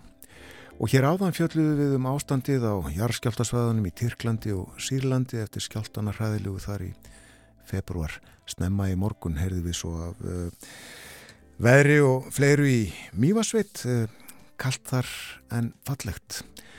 En nú ætlum við að fjalla um annað. Eins og uh, Martin og gott við helgiðiskerfið á Íslandi þá eru óðmörg dæmi þess að fólk hafi rekist þar á veggi ekki fengið bót meina sinna verið vísað frá einum sérfræðingi til annars þvælstum í kerfinu Brynildur Péturstóttir sem býr á Akureyri hefur slíka sögu að segja.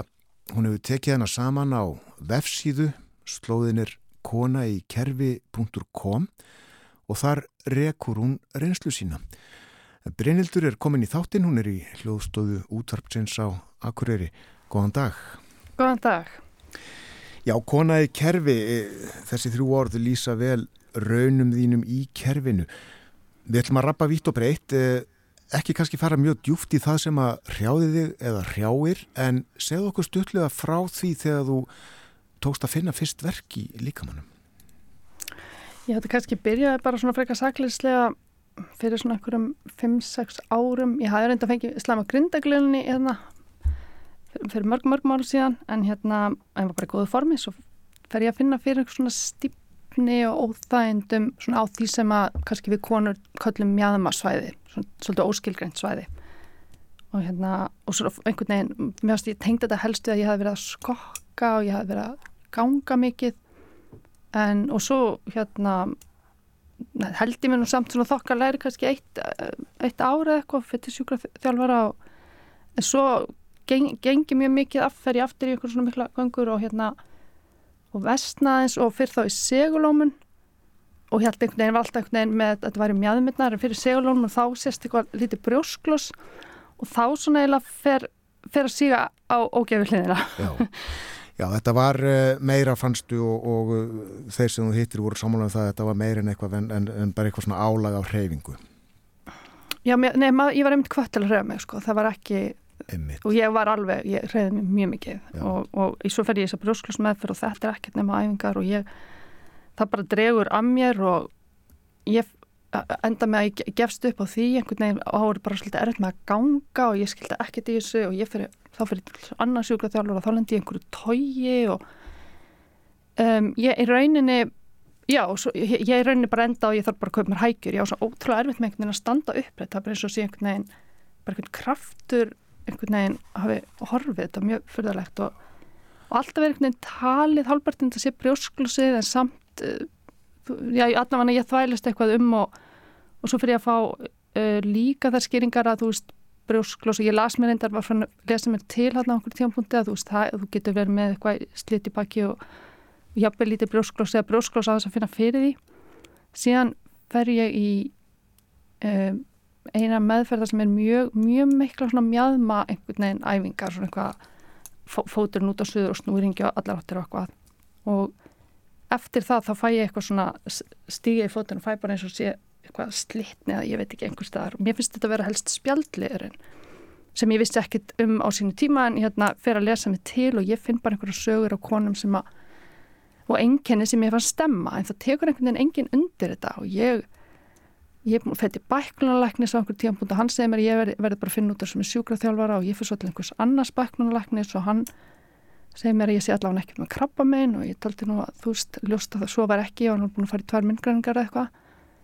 Og ég spyr út í spjallir og ég fengi þess að grindaglinn og nei það var nú aldrei ekki málið og allavega ég, ég reyn þvælist bara eitthvað áfram eða svo fyrir til útlanda og ég, okay, ég, bara, veist, ég er bara búin að fara til tíu sjúkraþjálfara og, og þetta upplifi ég alltaf svona einhvern veginn að ég hlýtt að vera rosalega flóki case og ég var í vandamáli en samt einhvern veginn innstinni þá var ég bara þú veist þetta er ekki eðlilegt, ég er ekki einn daginn lappand fjöll og svo er ég bróðin líki óvík heima hjá mér og hætti að geta stíð einhvern veginn almennilega í hægri fótinn og og þessi ferði til útlanda ég allavega þú veist ég bara þrjá fyrir mér og ég fór ekkert endla til, til réttu mannskunar en hún beini mig samt í áttina að lækni í orkuhúsinu af því að nú var talið að þetta væri kannski eitthvað mjöðmælir og þáttu verið eitthvað sérfræðingur þar. Og það tók mig alveg tíma að finna hann með alls konar krókalöfum viss að hann var að flytja úr landi þannig að ég alveg hérna, treð með til hans og hann þá í raunin fyrsta skipti er einhvern sem skoðar þetta allt og ítir og spyr spurninga og hann segir já þetta er hérna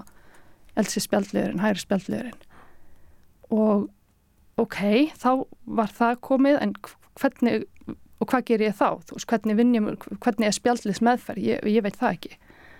Og síðan er ég fyrir einhverja tilviljun að hlusta á viðtal við Andrið Leming sem er mjög mikill fræðmaður um spjaldlið, bara eitt sá helsti. Og hann nefnir eitthvað svona eitthvað einar backclinic in Rotterdam og ég bara ha, ég googla sendi tölubúst daginn eftir komið svar og ég á þannig samskiptum við yfirmann þessara hérna, backcliningar og og svo enda með ég segi, ég verð bara að fá að koma. En þeir eru með áttavikna prógram og hann segir svona, já við kannski gerum tveggja vikna prógram, þú veist, við getum gert það fyrir þig, en vildi samt eiginlega helst ekki fá mig, eða þú veist, var svo mikið að reyna að hjálpa mér, þetta var mjög áhugaður þarna mörgum manneska sem bara enga ábyrð á mér. Ég var ekki að borguna neitt. Að hann var að senda mér allskynns upplýsingar. Nema ég, svo enda með að ég bara, við förum hann ég tók bara sumafrið mitt til þetta. Og það, og maður segja kannski það að ég hafi farið þarna á þessa bakning, það gefur mér kannski svolítið kjarkin til þess að yfir höfu bara að skrifa þessa, eða setja upp þessa, þessa vefsíðu vegna þess að þarna uppliði ég bara eitthvað svo allt annað og svo faglegt en samt allt svo skinsamlegt í rauninni. En áður en að þessu kemur þá uh, ertu sem sagt búin að fara fram og tilbaka í uh, kerfinu hér á Íslandi þetta var mikil þraut að ganga, þú hittir hvað nefndur tíu sjúkraþjálfara og einhverja bæklingalækna líka ekki satt? Jú, og svo fór ég til gíktalæknis, en þetta var einhvern veginn alltaf ég sem að, þú veist, á, þarf ég ekki að fara, ætti ég að hitta gíktalækni, ætti ég að fara á Reykjalund, ætti ég að fara á, þú veist, það er engin svona, það var aldrei neitt sem stoppað og sagði heyrðu, þetta er ekki lægi, þetta er bara komið í eitthvað rugl hérna. Og það er eins og, þú byrjar í meðferð þannig eins og sé ekki hægt að bakka og segja bara, heyrðu, ok, við erum greiðilega ekki að hitta á þetta, við þurfum bara að byrja upp á nýtt. Þannig að þú einhvern veginn sogast áfram svo held ég líka bara að þú ert búin að fara svona á milli þá ertu kannski bara orðin pínu flóki case án þess að það liggi fyrir skilur það er svona eins og æ, ég veit það ekki, eins og eitt læknin fór að segja mig, já, ég var bera já, þá hafði ég bara fundið sænskan lækni sem að sérfræðingur í, í spjaldliðum og var spákuð þar ég, þar ég kannski fara í aðgerð. Og ger ég það bara eitthvað þar ég ekki að fara í gegnum kerfi hér og best ég fer og, hann hlýtur einhvern veginn að segja bara já, já, já, þessum spítali ég skal hafa samband við hann eða eitthvað. En hann vildi ekkit, hann var alls ekkit á þessari spjaldliðskenningu og, og einhvern veginn klikkist út með að segja vildi ekki skoða bara þetta með vefjagíktina af því ég hafði á einhverju tímpúti fengið eitthvað, einhverju greiningu vottur af vefjagíkt og þá var ég bara ok, það, það að vera kona með stóðkerfisvanda á miðumaldri það er eiginlega ekki eitthvað sem þú vilt lendi Nei, ég heyri það. Um, þannig að, já, þa- þannig að ég var alveg búin að fara til, ég telið upp á síðan, ég kallaði þá bara sjúkþjálfur 1, 2, 3, 4, læknir 1, 2, 3. Já. En þetta eru alls konar greiningar sem, sem, sem þú fjagst og alls konar Já. meðferðir og æfingar sem þú ættir að gera. En Já, enginn það- vissi almennlega hvað var að. Nei, og það er líka áhugaður því ég er alltaf saman manneskjan með sömu einkennin, en greiningarnar eru, eru já, bara mjög, mjög fjölbreyttar og, og sem á meðferðirnar. Já. Og ég upplýði bara svona, meðferðin er bara svolítið svona hvaða skóla sjúkurþjálfarinn aðhyllist. Það geti alveg henda þér rosalega vel, en ef ekki, þá er hann ekki endilega að fara að breyta í meðferð, þá þurft þú að fara að finna einhvern sem hendar. En það sem var þarna í, í Hollandi sem ég varst vera bara, sem ég held að ætti nú að vera nummer 1, 2 og 3, það er greiningaferlið. Veist, ég hafði bara aldrei fram að þessu farið í svona ítalega greiningu og samt var þetta maður sem ég haf búin að vera að tala við. Hann, hann, ég held næstu því að hann myndi bara taka mig og ég myndi byrja í meðferðin sem ég var vön en það fór fram svo ítalegt greiningaferli. Hvernig var það öðruvísi heldur en þú hafðir áður kynst? Það var, ég var til dæmis látin svara nokkur spurningalistum, svona stöðlega spurningalistum, þú veist, þetta er pain score, eitt og sér segir það kannski ekki mikið, en svo lenda að fylla út eitthvað sem heitir Overstreet Disability score minnum mig, það er svona hvað þú getur gert og þegar hann hafði til dæmis þetta tvent saman þá sá hann, þú veist, að ég var ekki mjög verkið og ég hef aldrei verið mjög verkið en ég var fárálega, ég skoraði, þú veist, ég var bara gæti eiginlega ekki gert neitt. Þú veist, það er með að ganga, er, er með að sitja, er með að liggja á hlið og bara allt þetta sem er spurt um. Síðan var skoða, skoðaðan allt og ég sagði við hann hérna, ég er með myndir, svona myndgreiningu að þú vilt fá þær. Og hann sagði nei, ef við sjáum ekki einhver svona tauga enginni eða eitthvað sem er, þá erum við ekkert að skoða myndir. En ég hafði áður verið í meðferðin það sem að greiningi byggði á myndinni engungu. Uh, síðan síðan er ítalett viðtal og það var eitthvað sem ég hef aldrei upplifað áður. Og það var í rauninni kannski það mikilvægasta því að hann tengdi þetta við þessa grindaglun sem ég hefði fengið og ég fattaði sjálf bara í þessum við, viðtali bara já þess vegna sem ég var lengi að ná mér. Fekk ég líka hjálpa á þeim, þeim tíma að voru til Danmörku og skildi ekkert hverju, ég held alltaf bara í þetta komir í form. Það er einhvern veginn alltaf mantran þú er bara sterkari, gera æfingar betra formi, en ef þetta er vandamálið þá eru bara alls konar æfingar og hreyfingar sem eru ekki góðar Um meðan, meðan sveðið er að jafna sig þannig ég í rauninni, ég bara ógerði mér gjössalega. Fjagstu uh, hérna, já, uh, ertu allt önnur og betri eftir að hafa hitt þessa sérfræðinga í Hollandi? Nei, þetta var sko 2019 og ég, ég náði bara svona krafsa yfirborðið. Ég var hérna tvær vikur, þú veist, þeir, þeir eru með prógram sem er í átta vikur og þeir segja að við getum ekki hjálpað þér átta vikum, þá getum við ekki hjálpað þér. Þannig þetta er ekki svona eins og maður getur lendi í bara að vera einhverju meðferð endalaust.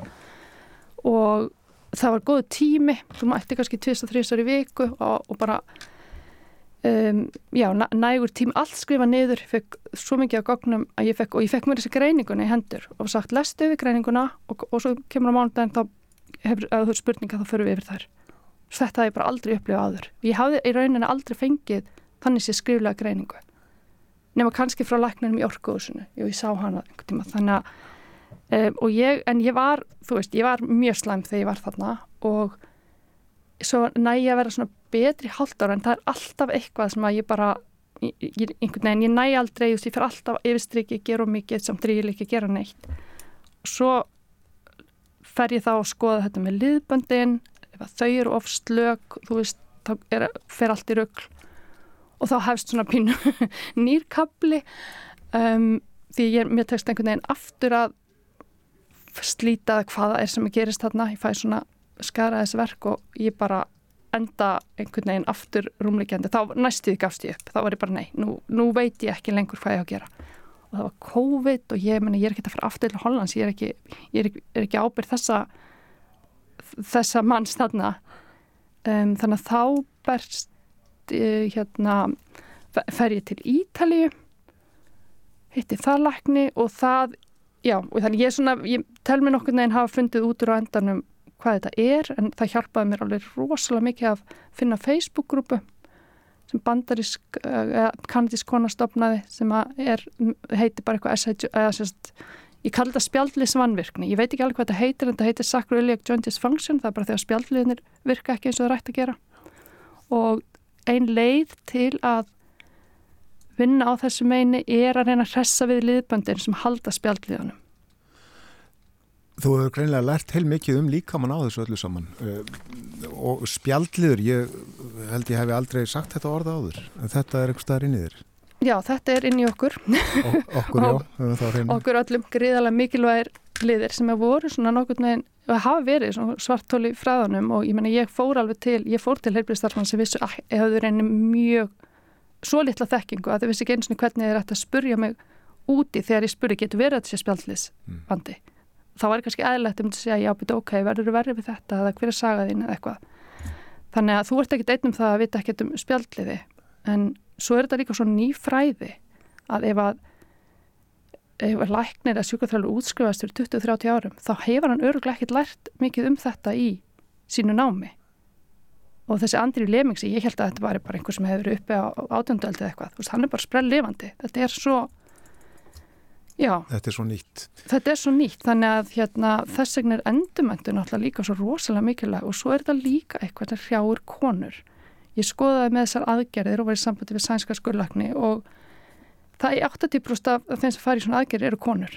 Og, og það sem hérna, læknisfræðin er svo kallæg að þá er bara konum, það er bara meiri hætta í rauninni á að þær fái ranga greining og ranga meðferð ef að þetta er vandamálið. Yes. og auðvitað er ekki, ég er ekki að segja að sé auðvelt að greina þetta, það er það ekki. En það verður að minnstu kost að gera tilvæm til þess. Já, það er margt uh, áhugavert og atglisert í þessu breyndur uh, ekki síst það að uh, þú hefur eiginlega þurft að finna út úr þessu sjálf. Já, og fyrst að ég þurfti að hafa svona, þú veist, mér finnst alveg gaman að kynna mér og, og læra eitthvað nýtt sko, þó ég hef alveg vilja óska að það hef kannski ekki verið akkurat, ég hef ekki þurft að gangi gegnum þetta, en, en þegar ég kom með allar þessar upplýsingar þá fór ég að spá, ok, verði ég ekki bara þessu út? Því að ég kemst á slóðina með því að finna blogg hjá stelpu sem að var að klíma við þetta og viðtal við konu sem er undir fyrirskriftinu sko I was slowly becoming paralyzed og hún var að lýsa hvernig hún bara svona smátt og smátt svo hætti hún að geta gengið, svo fór hún að liggja og þetta var bara nákvæmlega lýsingin Já. og ég sagði ok, þetta er einhverja manneskinn sem segja sína sög og það hjálpaði mér þannig að ef að, ef að mín sagði getur hjálpað einhverjum þá er það bara frábært Já, nú er ég búin að segja hana þetta í löngumál þannig ég vil helst ekki vera út um allt eitthvað að endur taka söguna. Hún er bara þarna fyrir þá sem vilja lesa. Það sem ég finnst líka mikilvægt er að það er, ég fullir þið að það er eftir að bæta þetta kerfi. Mér finnst þetta, þetta er oflélegt. Já, hvað er þetta að gera betur? Bara leggja meira áslag, reyningu kannski minni áherslu á meðferðir. Mér finnst það að vera öfugt. Ég upplýði þetta öfugt. Það er rosalega áherslu á meðferðir en hver, ef, ef það líkur ekki fyrir greining ykkur fælst á meðferðin minnstu vant allar verkfæll eins og hvað að gera ef manneski er ekki að batna eða jafnvel er að versna og hún að fatta það einhvern veginn og flýja uh, þessi hraði líka eins og mér finnst eiginlega bara mætti horfa á þetta dæmi þarna í Hollandi þess að reykja það nokkuð ítalega það sem er góður tími en síðan er líka upphaf og endir á meðferðinni. Og ég var til dæmis uh, þeir láta þig fylla út þessa spurningalista í uppafið síðan þú hættir, þá fyllir það aftur út þá getur þér séð, ok, betið hefur peinskori lagast, hefur hérna og svo láta þeir líka spurja þeir hvernig var meðferðin hvernig upplöður þjónustuna, hvað mætti bæta? Ég veld, ég hef aldrei verið spurða eininu neinu slíku hér í þessu helbriðiskerfi þú veist, mér finnst þetta að vera bara tætingslegt uh, gögn far ekki á milli stundum er engin gögn og og það verður ótrúlega dýrt þegar skjólstæðingun sjálfur uh, í rauninni settur í þá stöður en að finna út hvar hann á heima dýrkjöft fyrir alla skattgreðendur og svo manneskjana þetta sem standur í þessu brasi. Það er greinilegt. Og uh, þó að þér hafi tekist að uh, finna út úr ímsu sjálf að uh, já, þá vissur þú vantarlega ekkert hvernig eða hvar þú áttir að leita. Þú þurftir svona að þreyfa þig áfram bara eins og í myrkri. Já, svona reikvildu völundurhúsi má segja. Og hérna auðvitað er ég búin að fara og svo orka pýriformis og ég veit meira um alls konar en ég kærum um sko. Af því að maður þurft að lesa í mig slegt en hérna en einmitt þess það heldur bara koma því á framfæri og svo líka er heldur ekki gott það er svo vond eiginlega að, fest, að fara að festast einhvern veginn í hvað séð, að því maður fyrir, allt, ég var alltaf að hugsa um þetta, þú veist, hvað er þetta? Getur þetta verið þetta, getur þetta hitt? Í staðan fyrir að þú getur svona pínu lagt tröstitt á kerfið. Ég þarf ekki að vita allt, ég þarf bara að fá, þú veist ég þarf bara að fá greiningu og rétta ráðlíkingar en ég þarf ekki að vita að það til eitthvað sem heitir iski og femoral impingement eða piriformis syndrom eða main syndrom eða eitthvað svona, mér langar ekki að vita þetta Það eina sem þú ert að vita er að uh, þú ert í góðum höndum Já. En uh, kona í kerfi, já, þetta er uh, tvíþætt merking uh, í heilbíðiskerfinu og uh, svo trúi ég að þetta hefur lagst á sálina Já, þetta er þetta var ógóðu titill til að gera ekki eitthvað með hann. Og sagan öll á uh, þessari vefsíðu Kona í kerfi. Kæra þakki fyrir að vera með okkur hér á morgunvaktinni Brynildur Péturstóttir. Já, takk fyrir að bjóða mér. Brynildur í hljóðstofu útarsins á Akureyri og uh, ég hef yfir vefslúðuna aftur kona í kerfi.com og uh, þar eru fjölmarkir pistlar sem Brynildur hefur skrifað um þessa reynslu sína og uh, má eflust lesa líka um spjaldliðin. Hér í gerðmorgun var Ylju Jökulsson gestur þáttarins við töluðum um kavbáta og uh, það var að því tilefni að uh, Íslensk stjórnvöld heimiluðu í síðustu viku líklega uh, bandarískum orustu kavbátum að uh, koma hér upp að Íslands ströndum til að hafa hér áhafnaskipti og uh, taka kost Ylvi sað okkur sögur af kafbútum úr uh, heimstyrjöldunum bæði fyrri og síðari og uh, ég velti fyrir mér í samtalinu hvort að uh, mögulegt væri að sjá kafbútuna þegar þeir koma og eru hér úti fyrir Suðunesjum. Eftir á að heikja þá held ég að það sé ekki hægt, þeir eru það langt úti á hafi. En það gerði svo í gær að uh, fyrsti kafbáturinn var þjónustadur uh, nokkuð langt úti fyrir Garskaga og uh, um þessa heimsókn, fyrstu heimsókn af nokkrum, jáfnvel mörgum fyrirhugum á þessu ári og næstu árum líklega, má lesa í frétt á vef stjórnaráðsins og víkufréttir sögðu frá í frétt í gerkvöldi og Þar má sjá margar myndir eh, af eh, kafbátnum og eh, einnig varskipinu Íslenska Þór sem að fyldi kafbátnum frá því að hann kom upp á yfirborðið við mörg landhelginar og allan tíman meðan hann var hér í landhelginni. Fjórar, fimm, sex myndir eitthvað svo leiðist þarna á við vikufrétta frá þessu í gerð. En... Guðrún, eigum við ekki að hafi verið eh, veðurhorfur dagsins svona svo að uh, fólki í snjónum á söðvesturhortinu viti hvað uh, eiginlega mun gerast í dag? Jú, ég held að það sé bara alveg ágætt að það er norðauðslag eða breytilega átt í dag og snjókomið að slitta með köplum sunnan og söðvestarlands en dregur úr úrkominni sent í nótt. En það má sanns að búast við þrekkari snjókomið í dag? Já, það verður bara þannig veður og það dregur ekki úr þessu fyrir en sent í nótt en leti til á morgun. En það er hiti 0-5 stig í dag en það verður viða nætu frost. Svo fer að kvessa austalands í fyrramálið en engi snjór þá. Þetta er mér alveg að ljúka. Já, klukkan er alveg að verða nýju. Við erum búin að koma víða við og við erum búin að vera í Mývarsveit. Við rættum þar við Yngva Ragnar sem að Kristjánsson sem að reykur Sélhótel og hann sáð okkur svona frá ferðamanna sumrinu framöndan og brugghúsi sem hann sett á lækirnar í COVID. Já, Og svo segja uh, öll herbergi uh, uppbókuð í sumar og uh, það er þegar búið að bóka gistingu hjá honum uh, sumari 2025. Akkurat, og svo kom Bói Ágússon og settist við heimsklukkan og það voru norræn málefni, norðurskautið og, og eh, bara þessi njós, þessar njósnir sem hafa verið að koma í ljós. Já, og hann talaði við uh, Rasmus Geðsau Bertelsen, uh, professor við Háskóluna í Tromsu og Akureyri, sérfræðingur í norðurslóðamálum. Og Svafa Ólafsdóttir, Björgunarsveitakonna, kom og sagði okkur frá jarðskjáltanum í Sýrland og Tyrklandi en hún er einn þeirra íslendinga sem að fóru aðstóða á hamfarasvæðanum nú í februar og hún var að koma aftur frá Tyrklandi. Núna við að taka við viðurkenningu frá tyrkneskum stjórnvöldum fyrir velunni störf að, í kjálfarskjáltana. Og hér síðast Brynhildur Pétursdóttir, kona í kerfi, eh, sagan hennar á vefsíðinni konaikerfi.com. Við verðum hér í fyrramálið og uh, ætlum þá meðal annars að fjalla um Vili Nelson og það að gefnu tilöfni. Hann verður nýraður á lögadaginn og uh, hann er á tónleikaferðalagi. Þetta er með ólíkindum alveg. Við þakkum samfélgina frá því snemma í morgun, vonum að þið uh, njóti dagsins. Verðið sæl.